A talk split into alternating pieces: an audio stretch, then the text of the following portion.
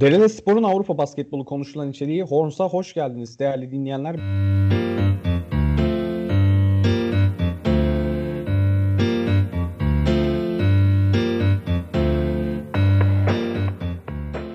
Bugün ben yine Kutluhan Koca'da Mert Özgün'le beraber Avrupa basketbolunu konuşacağız. E, demeyeceğim çünkü Türk takımlarının Avrupa'daki e, başarısız karnelerini daha çok ele alacağız. Tabii ki Fenerbahçe ve Anadolu Efes'e öncelikle konuşacağız. E, 4 mağlubiyet hafta içinde çift maç haftasında. E, abi hoş geldin. Merhaba. Hoş buldum. Hoş buldum dostum. Kötüyüz şükürler olsun. Alıştık artık bu sezon maalesef. Alışmak çok kötü.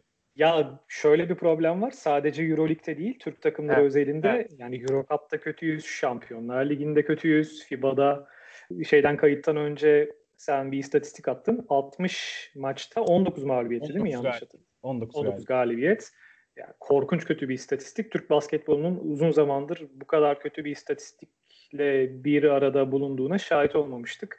Çok kötü bir sezon geçiriyor gerçekten Türk basketbolu. Ve buna rağmen hala e, yönetenler Türk basketbolunun çok iyi yolda olduğunu, her şeyin süt liman olduğunu, e, herhangi bir konuda herhangi bir problem olmadığını ısrarla ifade, defaatle ifade ediyorlar. Ama görünen köy kılavuz istemiyor maalesef. Birçok açıdan yerler. Oralara oralara geleceğiz. Oralar e, birazcık okay. daha programın sonuna bırakalım. Yani önce bir Euroleague'den girelim. Ama hani bu Türk basketbolunun istikrarsızlığı, kötü gidişi, daha doğrusu istikrarlı kötü gidişi diyelim. Bundan bahsediyoruz. Ee, yani seninle program öncesinde de konuştuk. O örneği hemen vererek başlayayım. En son ne zaman 6 mağlubiyet üst üste aldığımızı hatırlıyorsun sen Euroleague'de. Benim işte aklıma hatır, hatırlamıyoruz maalesef. Yani benim aklıma gelmedi. Ben şu örneği verdim hatta sana. Çok basit bir örnek. Fener'le Efes yenildiğinde dahi ya Galatasaray ya Daçka biri alır, biri maç kazanırdı ve Türk bas Türk takımları hani iki hafta üst üste EuroLeague'i galibiyetsiz kapatmazdı. Doğru. Üç maç haftası üst üste ve korkunç mağlubiyetler geldi. Hani ya Fenerbahçe'nin zaten şey diyoruz mesela sen diyorsun ya Ceska maçının ikinci yarısında neredeyse izlenecek bir şey yoktu. Ben Fenerbahçe Zalgiris maçında maç 15-2 oldu bitti maç. ya başladı maç 7 dakika ilk, ilk çeyreğin bitmeye 7 dakika kala maç bitmişti. Doğru. Doğru, Diyerek, doğru. Ya işte. Heh. Buyur sen de. Fenerbahçe'den girelim. Fenerbahçe'den tamam. girelim. Ee, dalmaya, Fen- dövmeye. Fenerbahçe kısmını zaten ben kısa tutacağım. Şundan dolayı e, Efes'in maçlarıyla çakıştığı için e, geçen hafta da bahsetmiştik bundan. iş bölümü yaparız vesaire diye. E, biraz daha hani yüzeysel gireyim. Sen de Derel Sports'ta güzel bir Fenerbahçe analizi yazdın. Okumayan okusun lütfen. Dinleyicilerimize ithafen. Gülen surat. e, şunu ifade etmek istiyorum ben. Ya Alex Perez alındı işte. Marco Guduric getirildi yeni.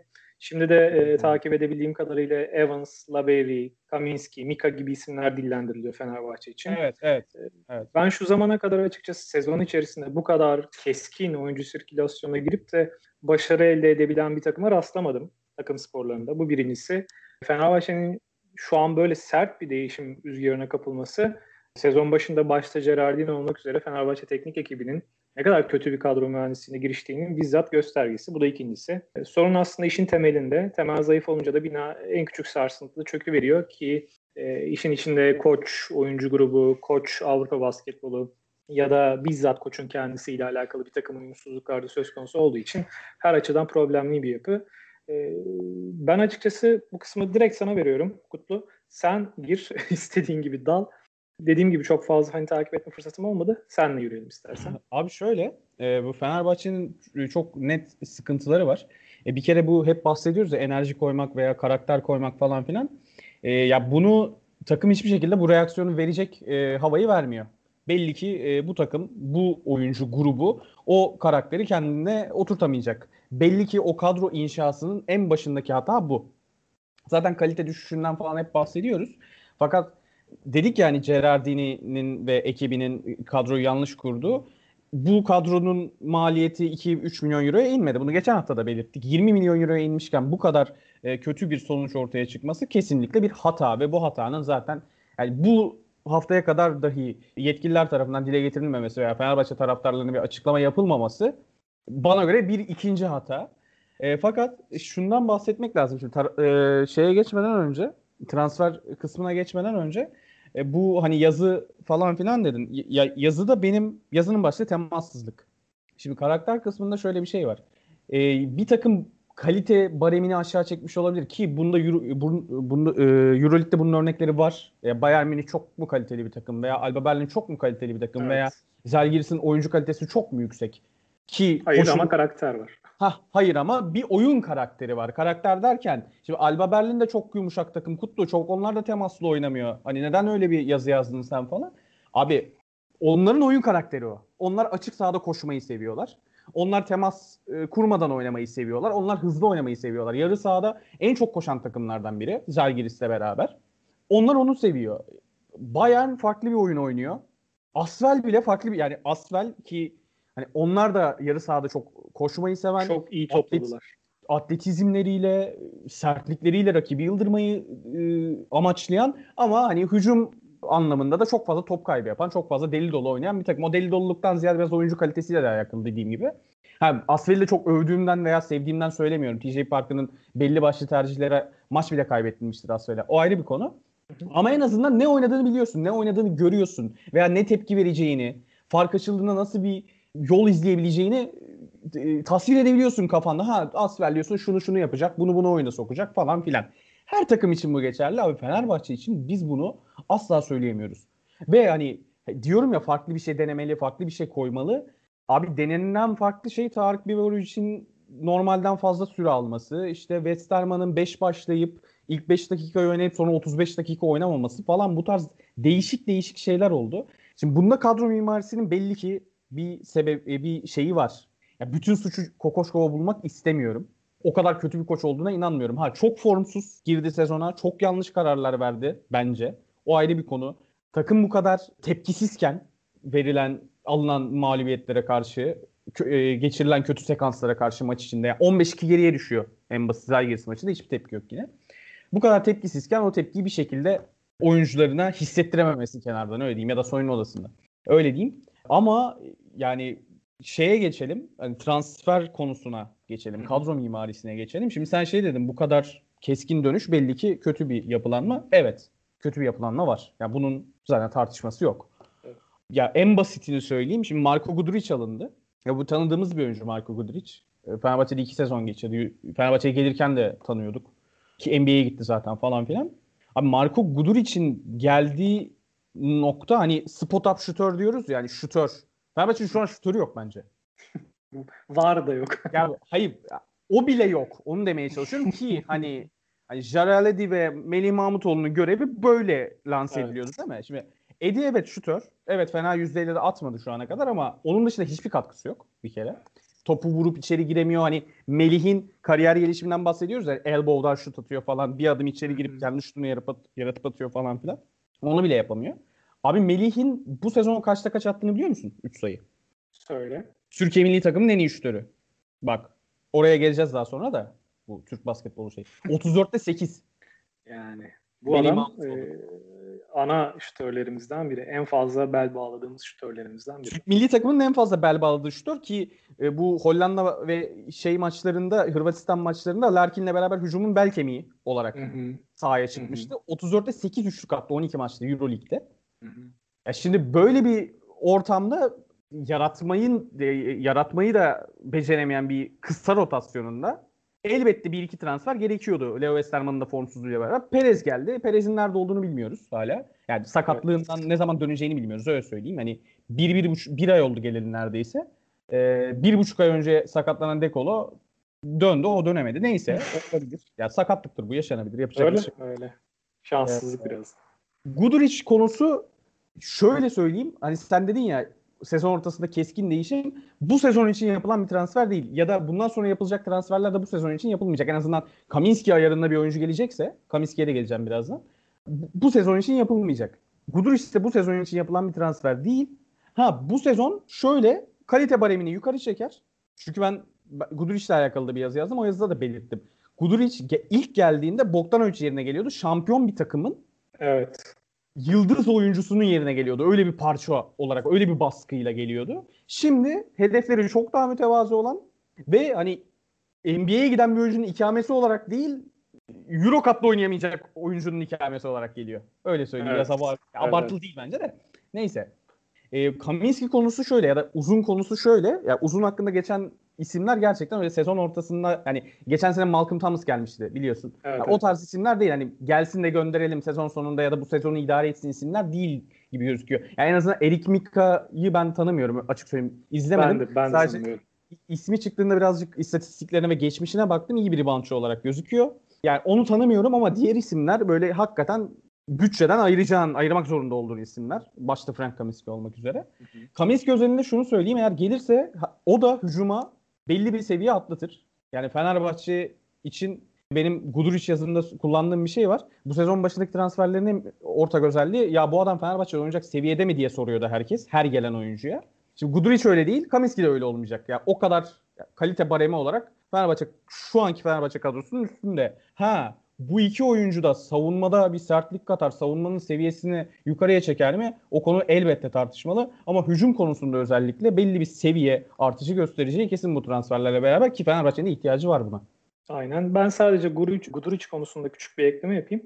Biraz takip edebildiğim kadarıyla şey bir hava var. İşte Guduric geldi, takım değişti. İşte Guduric her şeyi değiştirecek bir kesim e, taraftar özelinde böyle bir hava var.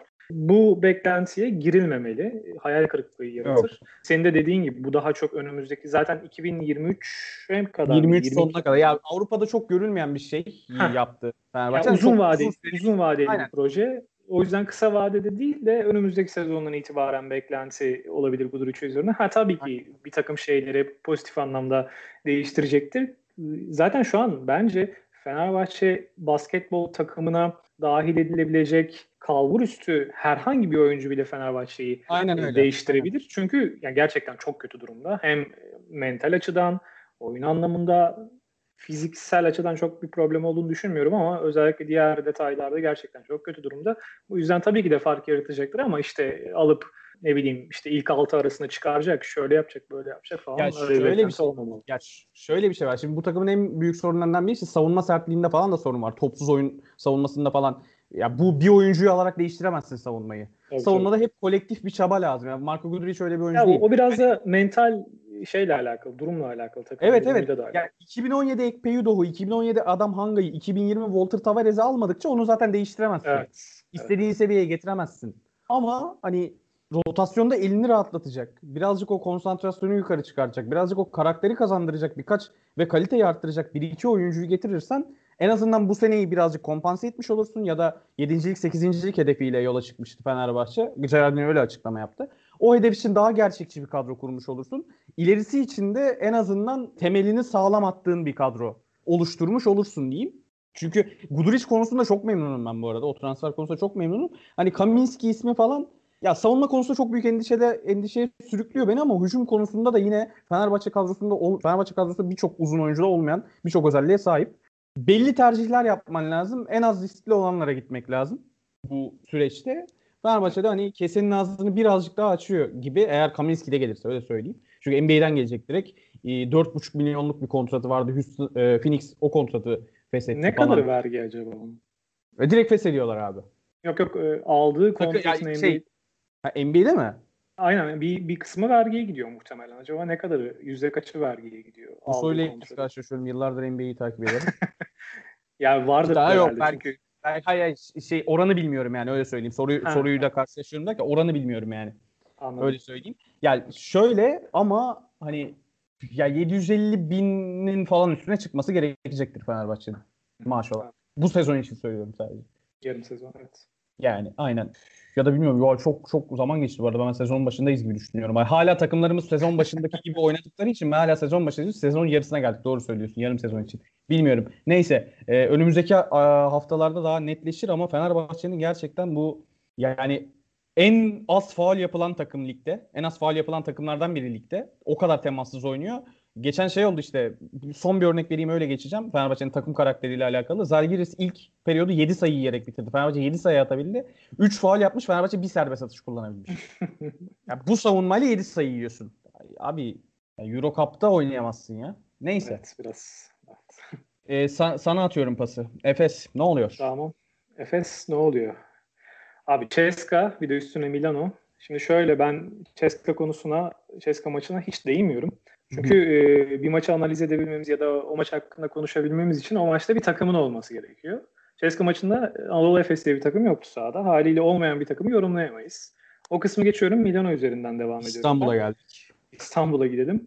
Ya Efes ne yazık ki mental açıdan yerlerde ve büyük maç kazanamamaya devam ettikçe de bu durum daha da kötüye gidecek.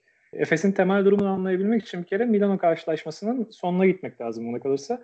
Daha doğrusu o sonu kurgulaması gereken ismin formsuzluğuna değinmek lazım. E, görünürde hani Vasilya Mitsic'ti son topu harcayan isim. Evet. Ancak realde sorumlu Ergin Ataman Hoca. Hocaydı. Hı hı. Çizdiği seti ne ben anladım hani televizyon karşısında e, ne e, yorumcu koltuğunda İhsan Hoca anlamıştır ne de Mitsic anladı parkede belliydi zaten. Tam bir keşmekeş oldu o, o pozisyonda. Hı hı. E, sosyal medyada ben Mitsic'in son pozisyonlardaki hatalarından den vurulduğunu gördüm.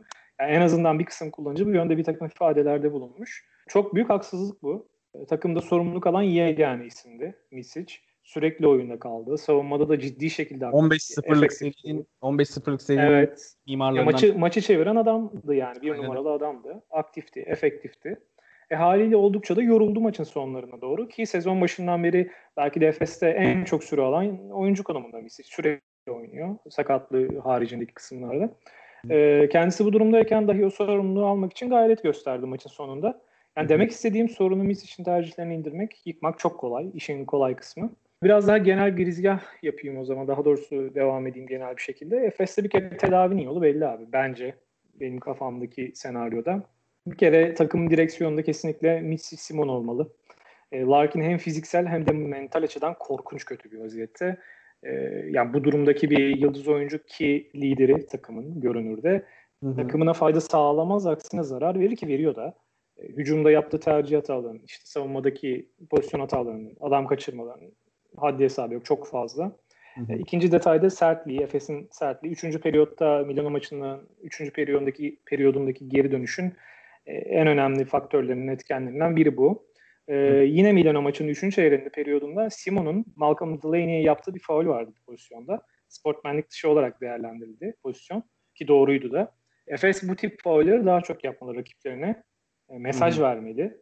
Ben tabi burada demek istemiyorum hani işte rakiplerini sakatlasınlar, işte çelme taksınlar, kırsınlar, sertliğin etsinler. boyutunu, sertliğin boyutunu aşmadan o sertliği bir şekilde evet. göstermen lazım. Ya bu Fenerbahçe'de de var. Genel e, değerlendirmede geleceğiz ama. Tamam. Ya işte burada değinmek istediğim nokta hani benim senin de söylediğin gibi bezdiricilik, caydırıcılık. aynen, aynen. Simon'un faulünden sonra zaten e, maçı izleyenler dikkat etmiştir. Delaney bir daha çembere gitmedi. Yani gitmeyi tercih etmedi. E, bu ne kadar önemli bir detay olduğunu gösteriyor bir kere. Üçüncü bir detay da şey, Ergin Hoca bir kere bu Rahan'ı da, Doğuş'u da, Erten'i de, Sertaç'ı da oynatmak zorunda. Bunu istese de istemese de takım bir kere dar rotasyon ve sıkışık takvim ikilisi sebebiyle abi yorgunluktan geveriyor artık. Özellikle son periyotlarda bu Efes'in e, maçı maçları sonuna kadar getirip son anlarda maçları vermesi biraz da bununla alakalı bence. E, takım gerçekten çok yorgun geliyor maç sonlarına. E, haliyle rotasyon genişlemek zorunda. Hoca bunu ya, yapmaya mahkum. Ho- hoca bu rotas dar, dar rotasyonla falan başarıyı yakalamış bir hoca. Ya yakaladı. Yani, ama bunu sevmesinden şimdi... bunu sevmesinden ötürü başarıyı da yakalamış bir hoca ama geçen seneki Avrupa'yı silip süpüren Efes'in en alamet, en büyük alameti farikalarından biri 12 hatta 13-14 oyuncudan verim alıyordu yeri geldi. Aynen. Oydu. Bir de şöyle bir yani şey var. 13-14 derken yani maç içinde zaten 12. Yani yanlış anlaşılmasın. Hani çift maç haftasında veya bir sakatlık vesaire olduğunda 13. 14. oyuncu bile Türkiye Ligi'nde oynayan oyuncu bile kadro e, katkı veriyordu belli yerlere ki Sertaç'ın katkısını herhalde söylemeye gerek yok geçen ya, sezon. Doğru. Bir de şu var şimdi. Kutlu mesela e, ya da rotasyonla gene başarıya gidersin. Gene verim alırsın daha rotasyondan ama Efes e, sezon başı hazırlık dönemini en kötü geçiren takımlardan biri. Yani takımın e, temelinde bir kondisyon sıkıntısı var. Şöyle e, Milano hep o örneği veriyorum birçok yerde konuşurken Efes mevzunu. Milano 6. 7. hazırlık yaparken Efes daha İstanbul'daki tesislerinde yeni toplanıyor. Evet. Yani e, ve Larkins. geç Larkins. ve Larkinsiz ki e, araya da şeyler de girdi işte Covid'den Covid'den. dolayı sürekli ayrı kalınmalar takımdan belli sakatlıklar sebebiyle Dunstan, Boboa, Mitsic takımdan ayrı kaldılar vesaire. E, çok problem yaşadı Efes sezon başı itibariyle. Bir türlü o şeyi e, ne diyelim şey bulamadı, ritmini bulamadı. E, son olarak da Larkin'e bir değineyim. E, Galatasaray taraftarı futbol takip eden Galatasaray taraftarının daha iyi bildiği bir detay vardır. E, Jose Mourinho e, zamanında Real Madrid çalıştırırken takımında oynayan Wesley Snyder'e bir kafa tatili veriyor. O dönem Wesley Snyder baya kötü gidiyor. E, bilinir bu genelde. Adam diyor ki Wesley Snyder'e abicim git kafanı topla. Birkaç gün her şeyden uzaklaş öyle gelsen diyor. E, ve Snyder bundan çok etkileniyor. Gidiyor hakikaten birkaç gün kafasını topluyor e, ve geri dönüyor takıma. İyi de dönüyor, verimi artıyor, güzel verim vermeye başlıyor.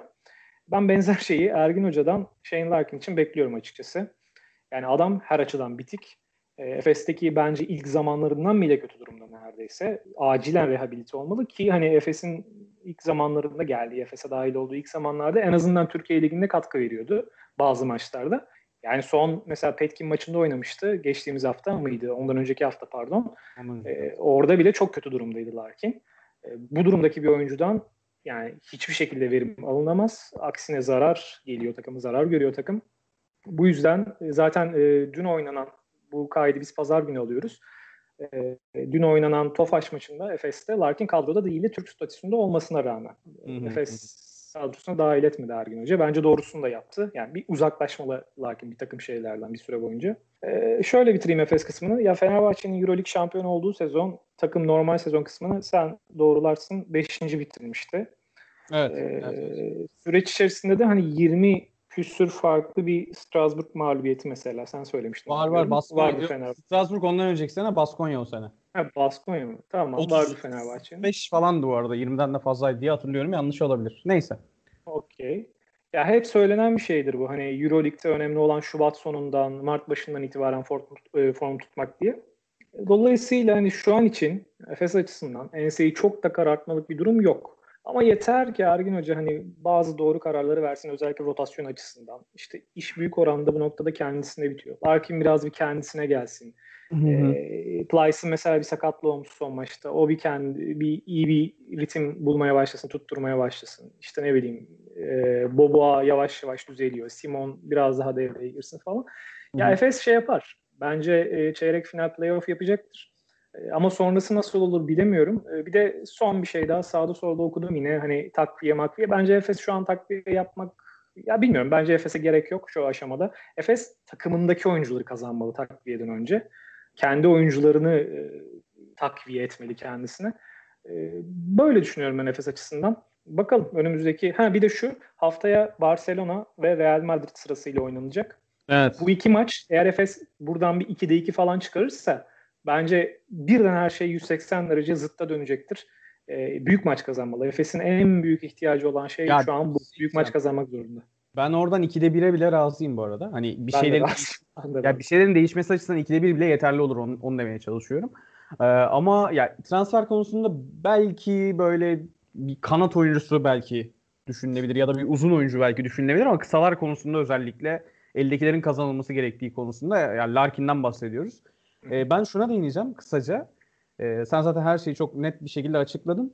Ama Ergin Hoca ile alakalı benim sitem şu e, verdiği yanlış kararlar falan dediğim gibi sen açıkladın ama ya son maçta abi ne olursa olsun kafa olarak ne durumda olursa olsun fiziksel olarak ne durumda olursa olsun e, abi Avrupa'nın en iyi oyuncusu elindeyse sonucunda sahada olur. O topa eli değmese bile sonucunda sahada olur. Bunun çok basit bir örneği var. Stephen Curry e, yanlış hatırlamıyorsam 2019 Batı finalleri 6. maçı falandı. Çok kritik bir maçtı. Houston'a karşı oynuyorlardı yine. İlk yarıda 11'de 0 attı. Sahadaydı abi. Tehdidi evet. yüzünden sahadaydı. Ya NBA ile karşılaştırma falan filan değil ya tek pozisyon için söylüyorum zaten. Anladım, anladım. Abi Larkin elindeyse son topta sahada olur. O topu kullanmasa dahi, o topta sorumluluk almayacaksa dahi o savunmanın dikkatini üzerine çekmesi için Larkin o sahada olur abi. O yüzden hani Ergin Hoca'nın çok e, yanlış ve çok e, ne bileyim zarar veren kararları var bu sezon. Onlara bir yenisi eklendi bana göre Milano maçında.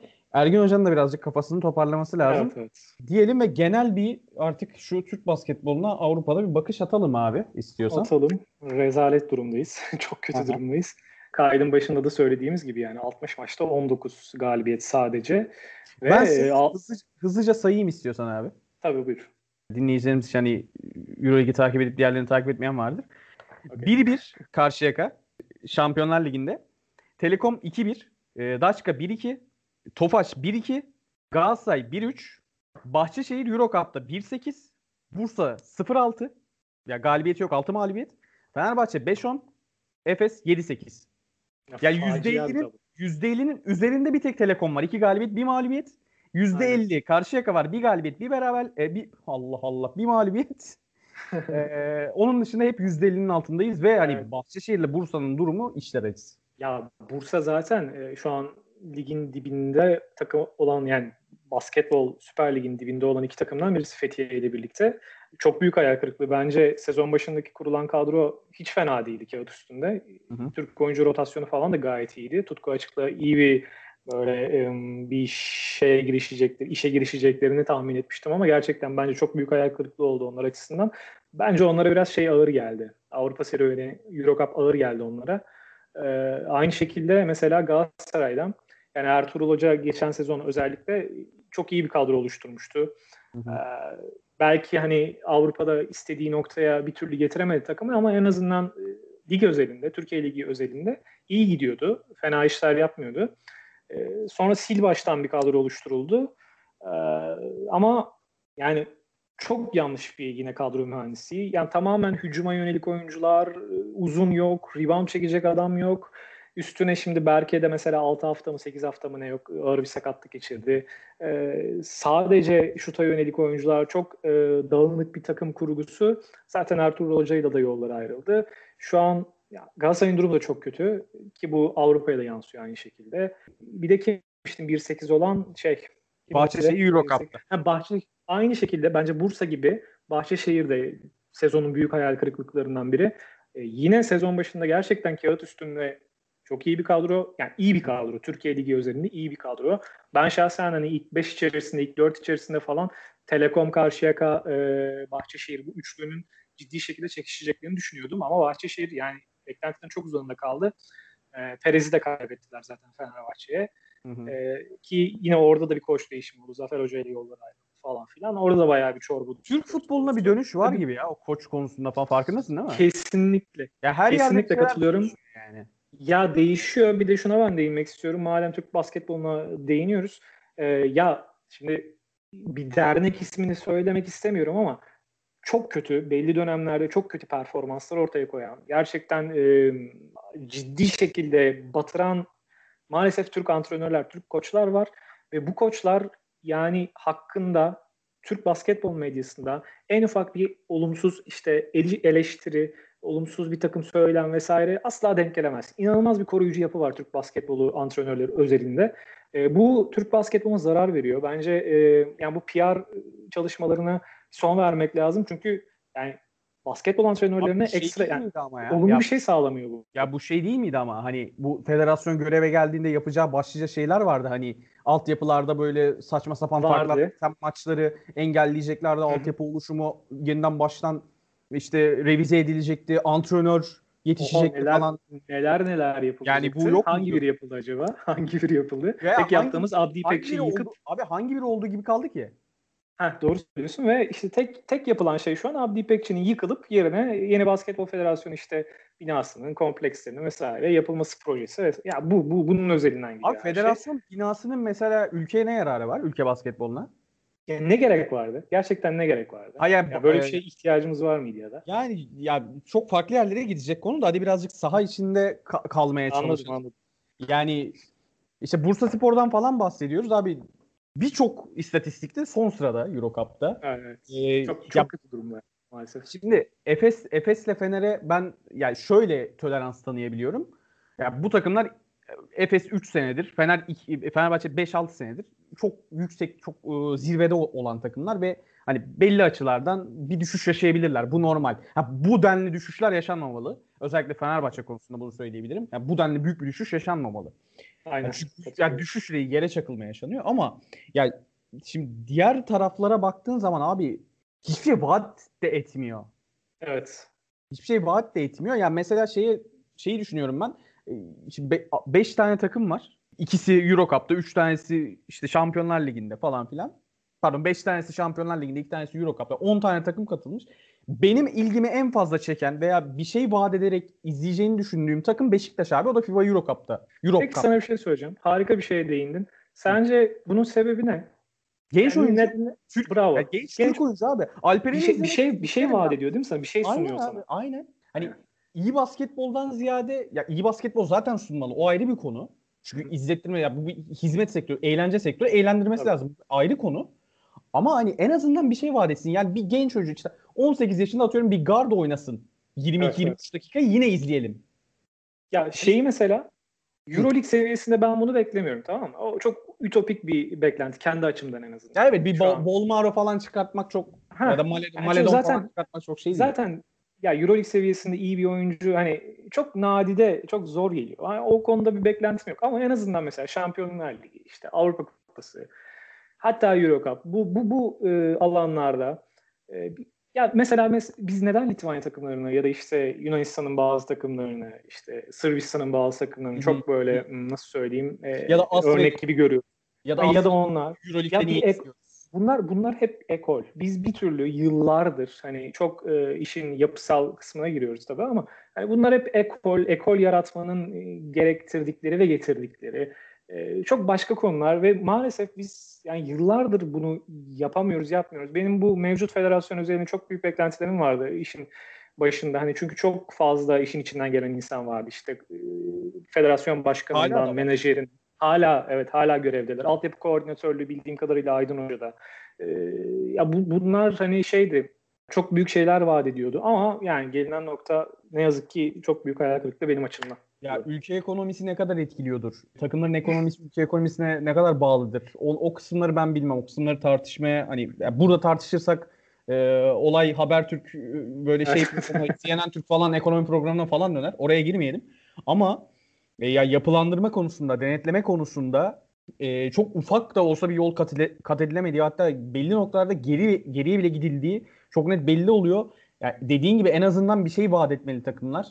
Ya ki hani şey diyoruz ya işte FIBA Euro Cup, Europe Cup başladığında Beşiktaş'ı izleyeceğiz. En azından bir şeyler vaat ediyor takım. İşte genç oyuncular var falan. O genç oyuncuların da hani Bandırmadan nasıl Beşiktaş'a geçtiği veya Bandırma'nın Evet. nasıl kapandığı, Beşiktaş'ın nasıl oyuncuları aldığı falan o bile o konu bile Türkiye'de e, yılan hikayesine dönmüş. Ya E, çok konuşulur da süre de bitti şimdi. Aynen. Kapalı kapılar ardında neler döndüğü belli Aynen. olmayan değişik bir e, hikayeye sahip o da. Yani ilerleyen haftalarda da konuşuruz bunu. Belki Aynen. özel program bile yaparız bu. yapılabilir. Kötü Aynen, gidiş devam ederse ki ki devam edecek gibi. Daha gibi. Şampiyonlar Ligi'nin ilk kısmı bitti. İkinci kısmı var. Euroleague'in ilk yarısı daha yeni bitiyor falan filan. Aynen. Daha yaparız, daha konuşuruz gibi. Dediğin gibi süreyi aşıyoruz abi. Yani hoş bir program olmadı bence. Yani konuştuğumuz, Evet maalesef.